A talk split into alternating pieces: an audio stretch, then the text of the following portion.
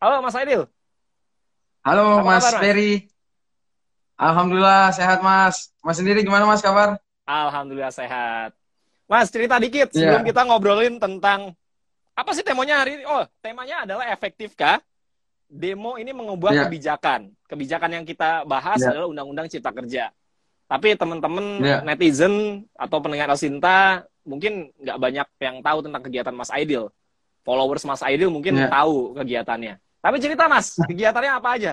Selain di HMI, apa aja sih kesibukannya Mas Aidil? Iya, jadi saat ini saya sedang jadi mahasiswa magister Mas di Universitas Indonesia. Mm-hmm. Jurusannya teknik elektro malah Mas. Wah, jadi, elektro? Iya, saya teknik elektro. Juga ada uh, usaha kecil-kecilan di bidang IT and creative consulting. Seperti okay. itu Mas. Wah, di luar keren. itu ya menjalankan hobi aja mas. Ikut demo nggak kemarin? Betul. Uh, alhamdulillah ikut mas ikut. Mas ya ikut mas. Saya kerja lah. Siapa yang awal teman-teman mahasiswa memberitakan tentang gelombang aksi unjuk rasa dari mahasiswa?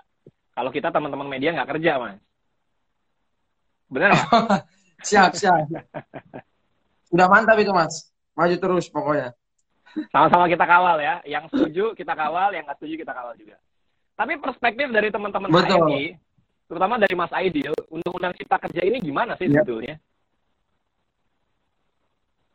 Iya, uh, baik. Uh, terima kasih banyak, Mas. Ini mungkin pandangan saya secara pribadi ya, sebagai hmm. seorang Aidil. Yang pertama, kita harus pahami bahwa kondisi sosiologis masyarakat Indonesia hari ini memang sedang sulit-sulitnya, Mas.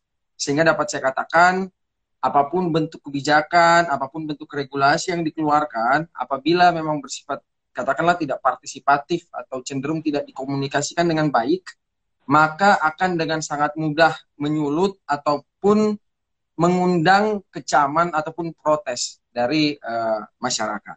Hmm. Namun memang saya lihat kalau misalnya kita berbicara secara substansi di Undang-Undang Cipta Kerja ini, yang kalau saya tidak salah ini kan ada sekitar 79 undang-undang, Mas. Yang yeah. kurang lebih mungkin relevan hajat hidup sekitar 1200 pasal mungkin ya kalau uh, saya tidak salah. Mm-hmm. Ya tentu di dalamnya juga masih banyak mendapatkan uh, penolakan-penolakan. Yeah. Dalam artian seperti ini, Mas. Kalau kita mau bedah satu persatu tentu akan sangat banyak kita temukan.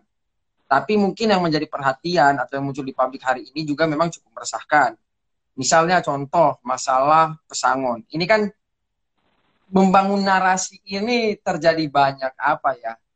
Kemarin ada ada info pertama yang keluar, terus ada yang bilang lagi dari DPR katanya hoax, terus ternyata bantahan terhadap hoax itu juga sudah ada. Misal contoh gini, uh, di awal itu kan ada pemberitaan seakan-akan pesangon itu dihapus, kan? Betul. Nah, Kemudian ya DPR mengklarifikasi tidak pesangon tidak dihapus, pesangon tetap ada begitu.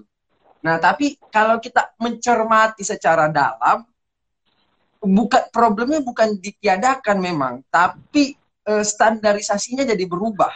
Ya, Misal kalau dulu kita lihat e, kerja kerja satu tahun, pesangon satu bulan, misalkan hmm. kerja dua tahun, pesangon dua bulan dan seterusnya, misal. Nah, diksi awalnya yang ditulis di undang-undang itu merupakan paling sedikit jumlah minimumnya segitu angkanya. Hmm. Nah, sedangkan setelah keluarnya RUU Ciptaker ini, itu menjadi batas maksimum. Tidak ada nilai minimum.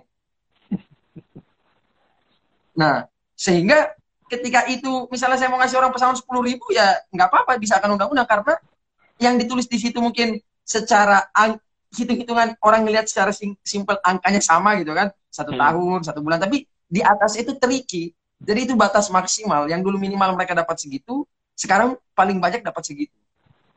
Misal contoh.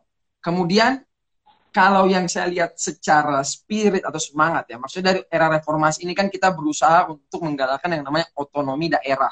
Ya. Berarti dalam artian pemerintah daerah punya kapasitas, punya kapabilitas untuk uh, menentukan, untuk ikut terlibat aktif dalam pemetaan dan keberlangsungan kerjaan-kerjaan yang terjadi di wilayahnya gitu. Makanya ini kan kalau turunannya kita lihat implikasinya pada prosedur perizinan apa dan lain-lain. Nah, sekarang ini kan banyak pasal-pasal di dalam Undang-Undang Cipta Kerja yang tadinya kewenangan itu ada pemerintah di pemerintah daerah ditarik ke pemerintah pusat. pusat. Hmm. Ya, jadi pemerintah daerah tugasnya ya apa yang dikatakan pusat dia lakukan. Seperti itu, tidak memiliki lagi uh, kapasitas untuk menentukan. Nah, ini juga tentu menjadi sebuah uh, catatan.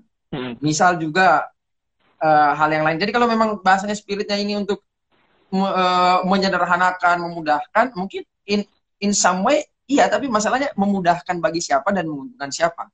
Kayak misal contoh uh, dulu kan perizinan lingkungan itu ada yang namanya uh, komisi AMDAL seperti yeah. itu mas. Nah komisi AMDAL ini kan uh, terdiri atas stakeholders stakeholders begitu kan, yang uh, masyarakat setempat, adat ataupun pengawas yang ada di situ, pemimpin daerah yang mengeluarkan uh, hasil itu. Nah, sekarang ini kan hal tersebut ditiadakan dan sekali lagi satu pintu semua ditarik ke pemerintah pusat. Yeah. Sehingga untuk menentukan itu kan tidak ada tidak lebih partisipatif seperti itu. Jadi saya Tapi, rasa saya yeah. tidak tidak. Hmm, hmm.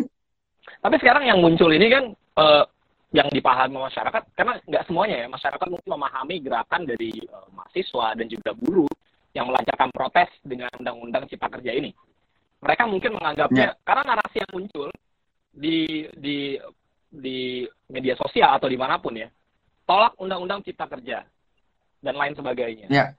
banyak yang memahami mm-hmm. menolak ini secara keseluruhan keseluruhan yang ada di dalam undang-undang mm-hmm. cipta kerja apakah memang secara keseluruhan mm-hmm. undang-undang cipta kerja ini tidak baik tidak ada benefitnya sama sekali untuk masyarakat atau hanya mm-hmm. ya, hanya eh, bagian-bagian tertentu saja sebenarnya saya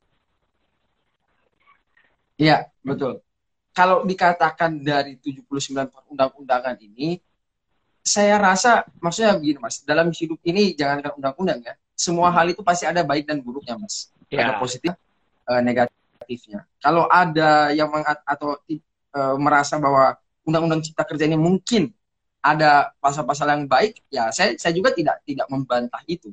Hmm. Tapi dalam artian di sini kan orang kecewa terhadap prosedur yang dilakukan. Dalam artian dia kan uh, kalau kita lihat uh, peraturan perundang-undangan misalnya uh, Undang-Undang Nomor 12 tahun 2011 itu kan diatur di situ Mas. Dalam artian sebenarnya konsepsi omnibus law ini tidak dikenal di Undang-Undang uh, Nomor 12 tahun 2011 itu. Yeah. Tapi tiba-tiba 79 undang-undang dirapel jadi satu yang uh, sekarang hari ini kalau Mas juga sudah baca kan ada draft baru yang ternyata keluar seribu sekian berapa Betul. halaman gitu yang katanya fix. Hmm, 1035 nah, halaman. Saya rasa Iya betul. Saya rasa enggak ada pilihan mas untuk menolak itu secara uh, parsial. Dalam artian ini memang harus didorong ke belakang dulu, baru dikaji kembali satu persatu. Karena kalau kita mau mematahkannya pasal per pasal, ya saya rasa mekanismenya berat juga. Sehingga memang sebagai satu kesatuan, karena namanya juga dia satu bandel, ya satu bandel itu harus ditolak secara kolektif, ya merupakan konsekuensi. Soalnya dikeluarkan juga dalam bentuk satu bandel begitu, Mas. Kalau dikeluarkan per undang-undang atau per pasal-pasal juga ya yang penolakannya uh, sama dong per undang-undang juga tapi kan ini mereka keluarinnya banyak kan ya sehingga penolakan masyarakat pun seperti itu begitu mas tapi tentu pola pikir pemerintah nggak seperti itu mas Aidil kita tahu eh, kenapa kita tahu tentu pola pikir dari pemerintah nggak seperti itu dan DPR juga nggak seperti itu pola pikirnya betul ya iya betul ya iya dalam, dalam, dalam artian hmm? saya, saya, saya melihatnya begini mas. Uh, okay. Ini ini berbicara tentang perspektif mas ya. Hmm. Kita berdiri di sisi mana atau dari sudut pandang yang mana. Misal contoh, ketika ini ini ini hal yang uh, bersifat logik aja ya dalam artian begini. Ketika misalnya contoh uh, perusahaan dimudahkan dalam berinvestasi. Ini ini uh, di luar konteks uh, omnibus ya. Ini hal yang kita yeah. alami sehari-hari.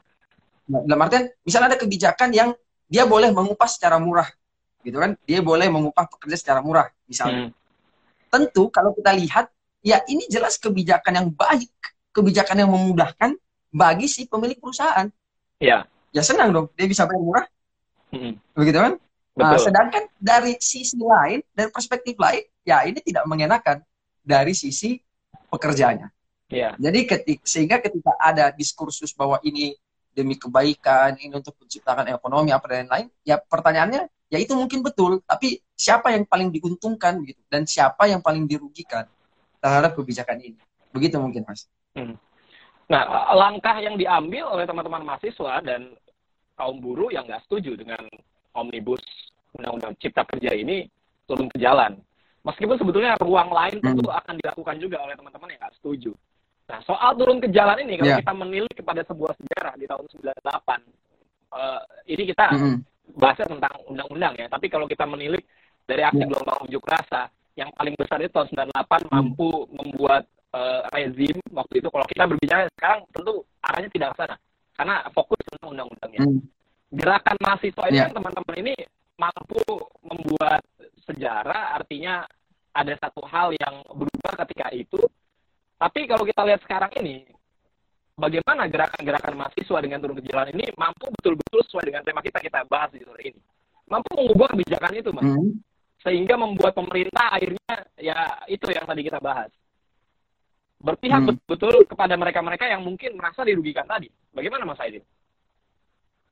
Iya, baik. Ah, nah, berarti kalau saya, saya merespon ini berarti kita kesampingkan tadi maksudnya secara substansi uh, ciptaker kan tadi udah kan? Iya. Dalam artian secara garis besar Berarti ini sekarang kita uh, maparin met masalah metodologi perlawanannya kan? Iya. Nah, uh, uh, menurut saya begini mas, uh, kalau tadi kita misalnya berkaca ke 98, yang saya pahami bahwa memang gerakan massa ini tidak sekali letupan mas. Pasti selalu ada proses atau letupan-letupan kecil sebelum pada akhirnya dia meledak ketika memang dia tidak dikelola dengan baik. Hmm. Kayak misalnya 98, 98 kan tidak terjadi tiba-tiba 98.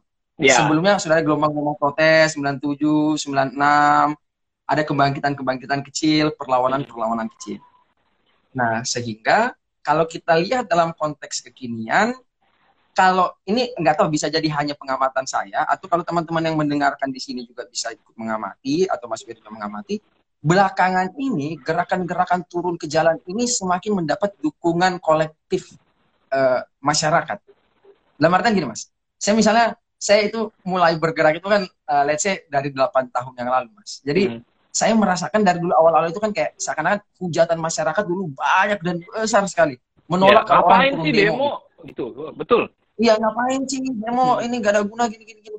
Tapi kalau Mas amati di sosial media dan lain-lain, semakin ke sini, misalnya let's say satu tahun belakangan, orang-orang itu semakin mengglorifikasi.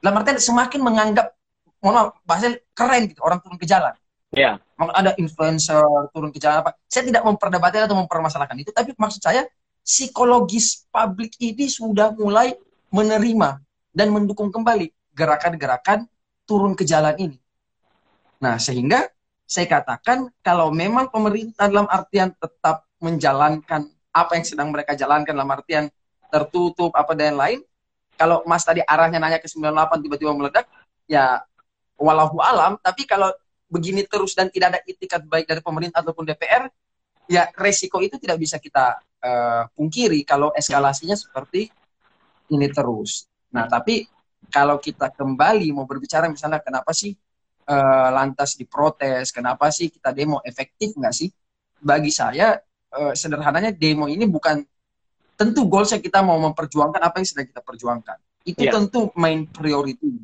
tapi at least ketika itu belum sampai ke situ, ya bagi saya bersikap itu penting, Mas. Misalnya saya punya teman, misalnya Mas Berry ini teman saya. Mas Berry hmm. melakukan sesuatu yang menurut saya uh, tidak baik.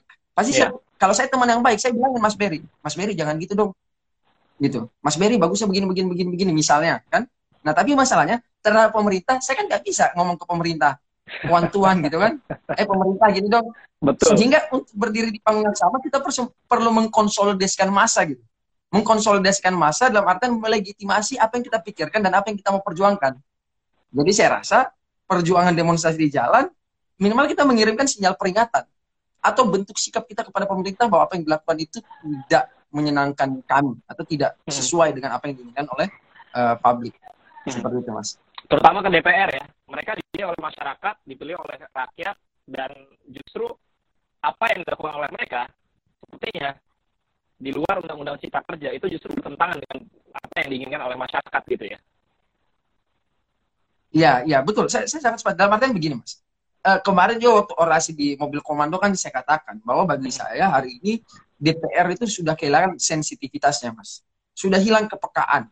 Atau kalau ada uh, kompas untuk mengukur keinginan rakyat itu seperti apa, kayaknya mereka sudah sedikit banyak sudah tidak punya begitu.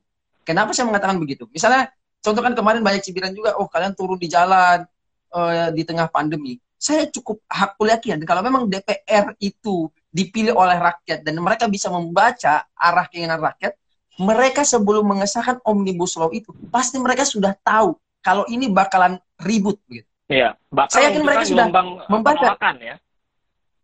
Iya betul. Saya, saya mereka yakin sudah tahu kita kita sainin pasti dapat uh, gelombang penolakan atau orang-orang akan turun ke jalan. Dan mereka juga tahu kita lagi pandemi. Sehingga bagi saya mereka mengetuk itu ya mereka memang mengundang kita dan mengekspektasikan kita turun ke jalan di tengah pandemi.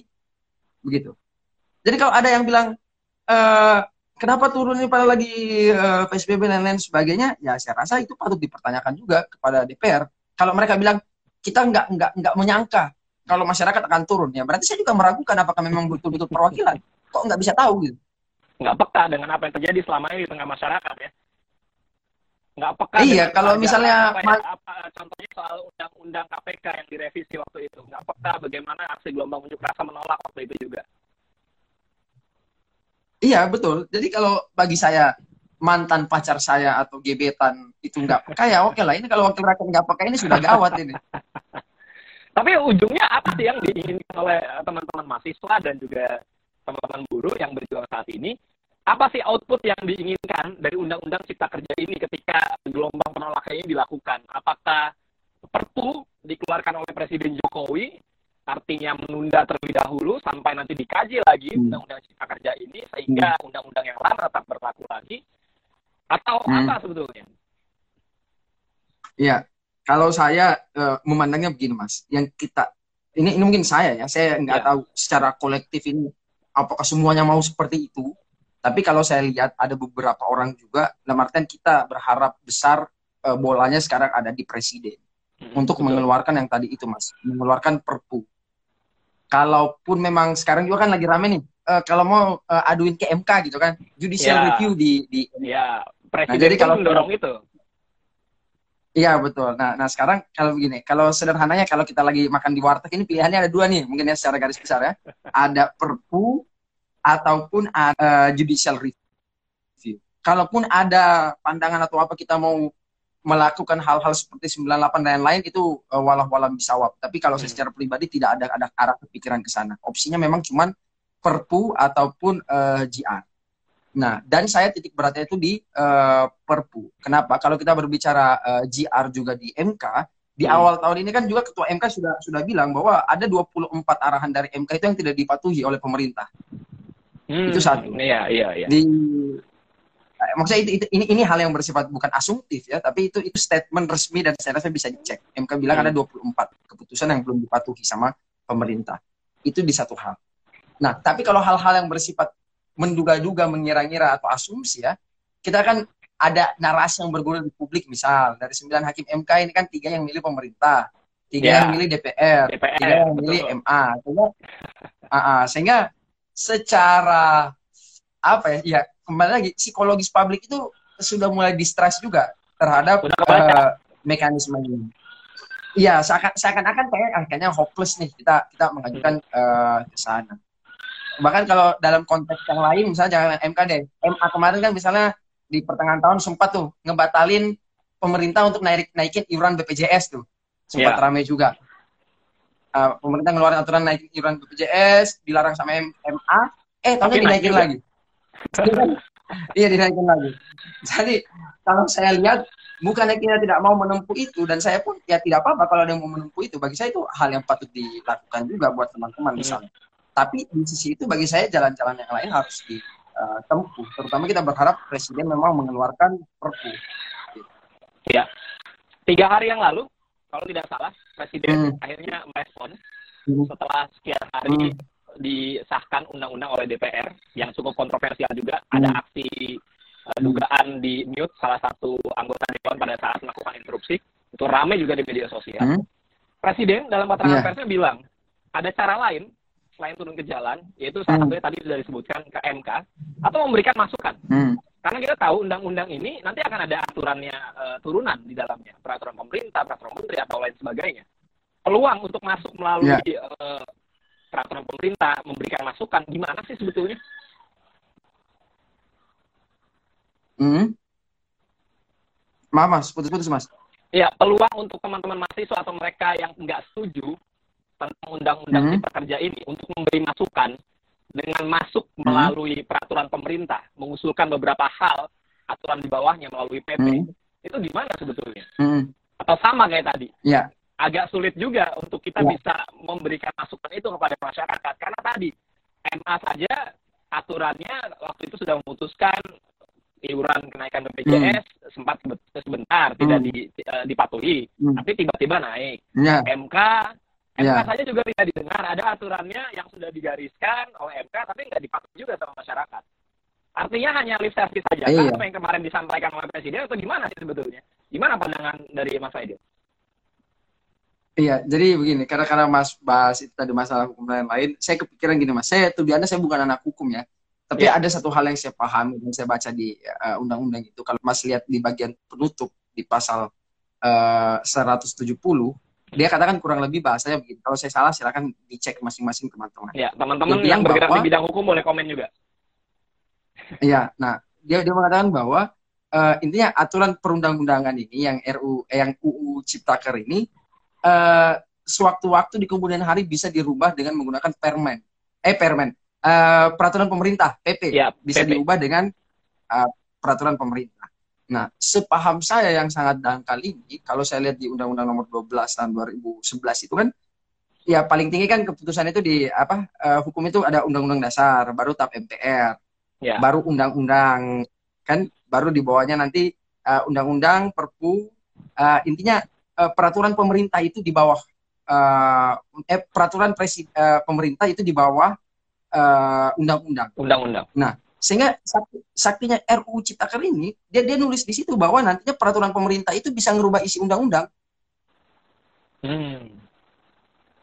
Nah, sehingga Menarik. ini uh, bagi saya tricky juga dan dilematis juga. Sehingga kalau ada yang bilang bahkan kemarin banyak guru besar kan ada uh, aliansinya juga itu yang mengatakan bahwa ini menerabas prosedur hukum dan lain-lain. Ya bagi saya kayaknya betul juga seperti itu.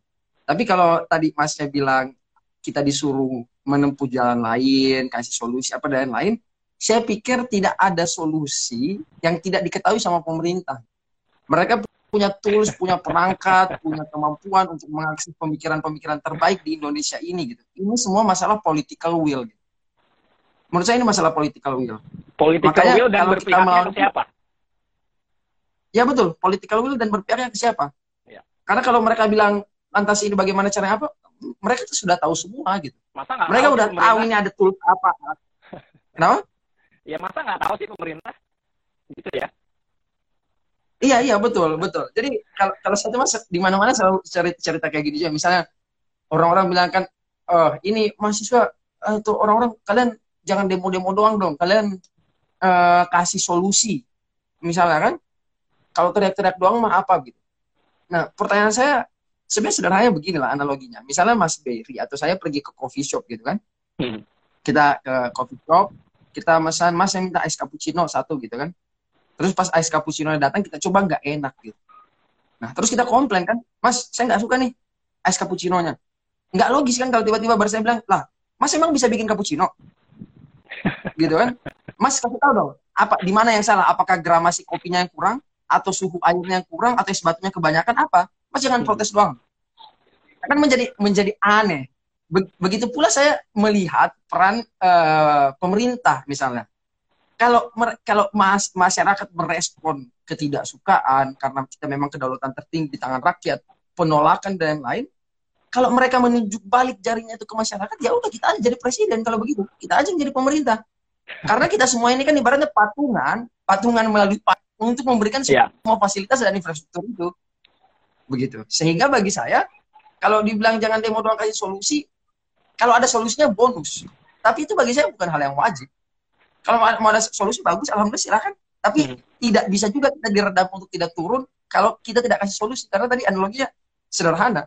Jadi kalau ada bilang rakyat ini protes doang, ya, ya, ya, ya, iya orang kita sudah bayar gitu ke pemerintah. Oke, ini part terakhir dari bahasan kita di sore ini tentang ya. Ya seberapa efektif sih sebetulnya kita turun ke jalan atau demo untuk mengubah kebijakan. Hmm. Nah, di balik demo hmm. itu, ini yang kemarin atau sekarang juga masih ramai. Selain hoaxnya, yeah. ya. demo yeah. Yang katanya ada sponsornya. Atau teman-teman mahasiswa hmm. mungkin murni melakukan hal itu, tapi ada yang mengatakan juga hmm. hati-hati dengan ditunggangi. Ada banyak informasi yang beredar di media sosial, video, foto. Yeah. Entah kita tidak tahu itu betul atau tidak. Mereka-mereka memang hmm. sengaja menunggangi demo yang betul-betul murni kemarin itu dari teman-teman mahasiswa untuk memperjuangkan menolak undang-undang cipta kerja atau enggak? Saya pengen tahu komentarnya dari Mas Aidil. Hmm. Statement dari pemerintah. Ya, jadi gitu. ya, ya, betul Mas. Ini saya agak-agak sempat ini juga ya. Saya belakangan ini sudah jarang nonton video-video stand up komedi Mas. Karena bagi saya nonton statement stand up komedi itu udah lebih lucu sebenarnya. Nah, misalnya contoh begini mas, kita berbicara demo di Tunggang dari zaman kapan, dari zaman dulu lah. atau dari pertama kali apa? Apa ada sponsornya lah? Iya, dari dari awal saya turun itu apa dan lain dari mahasiswa baru apa? Kata-kata demo ditunggangi dan disponsori itu udah kayak jadi apa ya? Udah kayak jadi hantu begitu mas. Hmm. Dalam artian begini loh. Kalau kita berpikir dalam konteks yang oh, holistik ya, tidak ada demo yang tidak bisa dilemparin isu seperti itu oleh orang-orang yang tidak mau didemo. Dan tidak ada mekanisme untuk bisa mengcross check itu. Kalaupun memang ada mendanai dan mengalirkan dana, ya saya yakin dalam artian uh, silahkan dibuktikan dan silahkan ditangkap ataupun diproses kalau memang itu melanggar hukum. Itu yang pertama. Tapi saya yakin ya itu kalaupun ada itu paling segelintir kecil dan kebanyakan itu paling mereka ngeklaim doang mas bilang saya itu yang suruh demo padahal mas saya cukup yakin di lapangan ya kita memang turun karena keresahan sehingga bagi saya menurut saya pribadi alasan-alasan atau asumsi-asumsi demo ditunggangi hati-hati ditunggang dan disponsori bagi saya begini deh nggak usah pikirin orang lain nggak usah mikirin kelompok-kelompok apa motivasi turunnya kalian yang dengar ini kalau kalian merasa itu undang-undangnya nggak beres kalian merasa itu harus dilawan atau harus diperjuangkan ya udah nawa itu kalian turun aja gitu Hmm. Sama halnya, seperti misalnya kita lihat ada orang yang bagi-bagi sembako, misalnya kan, terus kita mau julitin, ah itu itu ada maunya itu.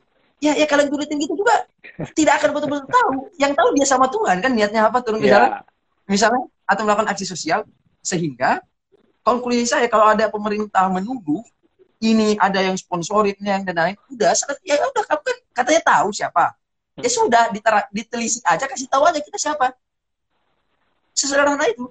Jangan sampai karena ada asumsi isu ini demo ditunggangi, orang-orang yang berjuang juga dengan tulis ini kayak seakan-akan jadi korban juga. Tapi bagi saya itu itu tidak pernah menjadi persoalan dalam artian itu uh, sesuatu hal yang sangat saya cemaskan karena pada akhirnya itu tadi ini tergantung nawa itu tergantung perjuangan masing-masing orang toh ada yang turun mungkin karena dia disuruh atau mungkin bahasa dikondisikan atau ada sponsornya ya ya urusan mereka sama Tuhan gitu dan saya pun yeah. tidak mendukung praktik-praktik seperti itu tapi kalau okay. saya pribadi turun ke jalan kalau, karena memang tidak ada masalah ya hmm. kalau ada yang mendulang di air keruh memanfaatkan pergerakan mahasiswa dan juga kaum buruh kemarin untuk kepentingan-kepentingan hmm. tertentu misalkan kalau ada pihak-pihak tertentu yang mendulang di air keruh dan memanfaatkan situasi dan kondisi dari apa keresahan dari teman-teman buruh dan juga mahasiswa itu bagaimana karena tidak menutup kemungkinan ada mereka-mereka yang berusaha untuk menjadi provokator, entah itu memanas-manasi aparat atau memanas-manasi teman-teman mahasiswa dan juga guru? Uh, kalau kalau menurut saya mas ya, uh, kalau dibicara mungkin atau tidak, ya bagi saya mungkin saja. Yang yeah. namanya kemungkinan kan pasti selalu ada. Tapi saya berfokusnya pada itu adalah preventif juga. Teman-teman yang mau turun aksi untuk diantisipasi.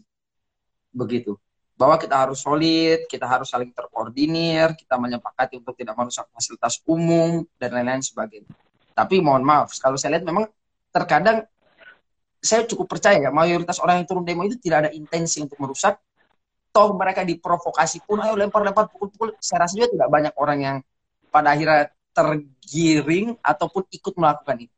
Hmm. Saya mengasumsikan kalau ada yang datang merusak fasilitas publik, kayaknya memang dia kepengen gitu. Saya nggak tahu ada apa di kepalanya atau apa yang dia percaya sehingga harus melakukan itu. Intinya saya secara pribadi mengutuk keras lah, ataupun saya menolak praktik-praktik perusakan fasilitas umum saat demonstrasi. Yang bisa kita lakukan, teman-teman yang terorganisir, organisasi, BEM dan lain, kalau mau aksi, koordinasikan dengan baik, ajak teman-teman untuk aksi damai, dan jangan melakukan tindakan-tindakan uh, kekerasan yang bisa berdampak pada kerugian diri kita sendiri ataupun uh, negara ini. Begitu. Oke, Mas Aidil, sebagai penutup, saya mungkin ya. ingin Mas Aidil ya. untuk menanggapi beberapa komentar yang masuk ini ya di komentar. Ya, ya. ya. Ada teman-teman yang Mas Aidil juga nih. Mantap Kanda. Ada beberapa di antaranya. Kemudian Siap, Dina. Dari Imat 04 sudah betul itu penafsiran hukumnya. Lalu juga dari wah ini banyak juga nih. Saya harus scroll dulu ke bawah. Hmm. Siap, siap. 304 sudah ada undang-undang sebelumnya yang sifatnya lex generalis, jadi terkesan tumpang tindih. Lalu dari Elias Tanah El Pakpahan, buat apa berlama menunggu mengubah undang-undang yang selama ini berpihak pada penguasa daerah yang hambat lapangan kerja. Sementara lonjakan pencari kerja juga terus meningkat tiap tahun. Dan memprotes prosedur. Uh, sayang, agak putus komentarnya. Terus juga yang turun ke jalan itu mungkin dari fraksi DPR yang WO, kata Elias Nathanael Paktahan. Turun ke jalan itu referensi dari kurangnya DPR dalam menghiring aspirasi masyarakat atau mendengar aspirasi dari masyarakat. Apakah mentalitas elit negara ini yang perlu diperbaiki dalam hal kepatuhan terhadap hukum sebagai bentuk penghargaan pada supremasi hukum sebelum undang-undang cilaka cipta lapangan kerja atau cipta kerja kalau sekarang ya ini diundangkan. Itu beberapa komentar yang masuk. Yang lain terima kasih untuk komentarnya. Sebagai penutup mungkin apa yang disampaikan uh, Mas Edu? Ada yang pro dan ada ya, yang kontra. Uh, ya betul. Yang pertama saya katakan bahwa kalau uh, saya secara pribadi merasa memang ada urgensi kita bersama-sama untuk menyuarakan perlawanan ini terhadap undang-undang uh, Cipta Lapangan Kerja. Tapi yang perlu kita garis bawahi bersama adalah satu, jangan sampai kita melakukan perusakan fasilitas publik. Ajaklah orang berdemonstrasi, tapi berikan mereka pemahaman dan pencerdasan. Saat turun demo itu kamu jangan ikut-ikutan ngelempar, jangan ikut-ikutan ngerusak, jangan memukul, jangan membawa benda-benda yang berpotensi menyakiti orang lain seperti itu. Jadi kita suarakan, kita tetap turun ke jalan. Itu yang pertama. Yang kedua, saya berharap ya saya cukup yakin ya pemerintah ini sedang sibuk ataupun nggak nggak ada anggota dewan gitu. Tapi saya berharap kalaupun mereka ada dan mendengar ya tolonglah saya rasa sekali ini betul-betul membersamai atau merasakan uh, peluh masyarakat yang memang, tidak setuju terhadap uh, undang-undang uh, cipta kerja ini. Yang terakhir mungkin saya katakan kepada teman-teman semua uh, ingat bahwa mereka yang duduk di parlemen hari ini juga sedikit banyak merupakan hasil campur tangan masyarakat juga yang mencoblos dan memilih uh, mereka. Maka dari itu, saya harap ini betul-betul menjadi pasak, menjadi momen pengingat untuk pemilu selanjutnya. Ya, teman-teman betul-betul objektif lah. Jangan hmm. golput, teman-teman betul-betul melihat track recordnya. Kalau kira-kira ada teman-teman yang rasa, ah, kayaknya ini kemarin pro undang cipta kerja dan teman-teman nggak suka, ya silahkan disuarakan juga di situ. Dalam artian, saya yakin parlemen yang duduk sekarang ini juga sedikit banyak uh, dari hasil-hasil money politik saya katakan seperti begitu dengan sangat confidence jadi ya itu harus kita hindari juga ke depan teman-teman ingatlah kalau ada yang nawarin duit mau beli suara apa dan lain misalnya ada tolong ditolak praktik-praktik seperti itu karena nanti akan ada kekecewaan-kekecewaan yang lain-lain begitu oke okay. Ngobrol-ngobrol yang seru, Mas Nadia terima kasih. Nanti di lain waktu kita ngobrol lagi, tentu dengan perspektif yang berbeda. Kita nggak ngomongin tentang demo, mungkin nanti kita ngobrolin tentang bagaimana kita bisa menjadi manfaat untuk lingkungan sekitar, terutama gerakan pemuda ini harus kita kedepankan terus ya. Betul, betul, betul. Oke, Oke Mas. Kita, kita ya. ketemu lagi di lain kesempatan nanti. Selamat sore. Assalamualaikum warahmatullahi wabarakatuh. Siap. Sore Mas, makasih Mas. Waalaikumsalam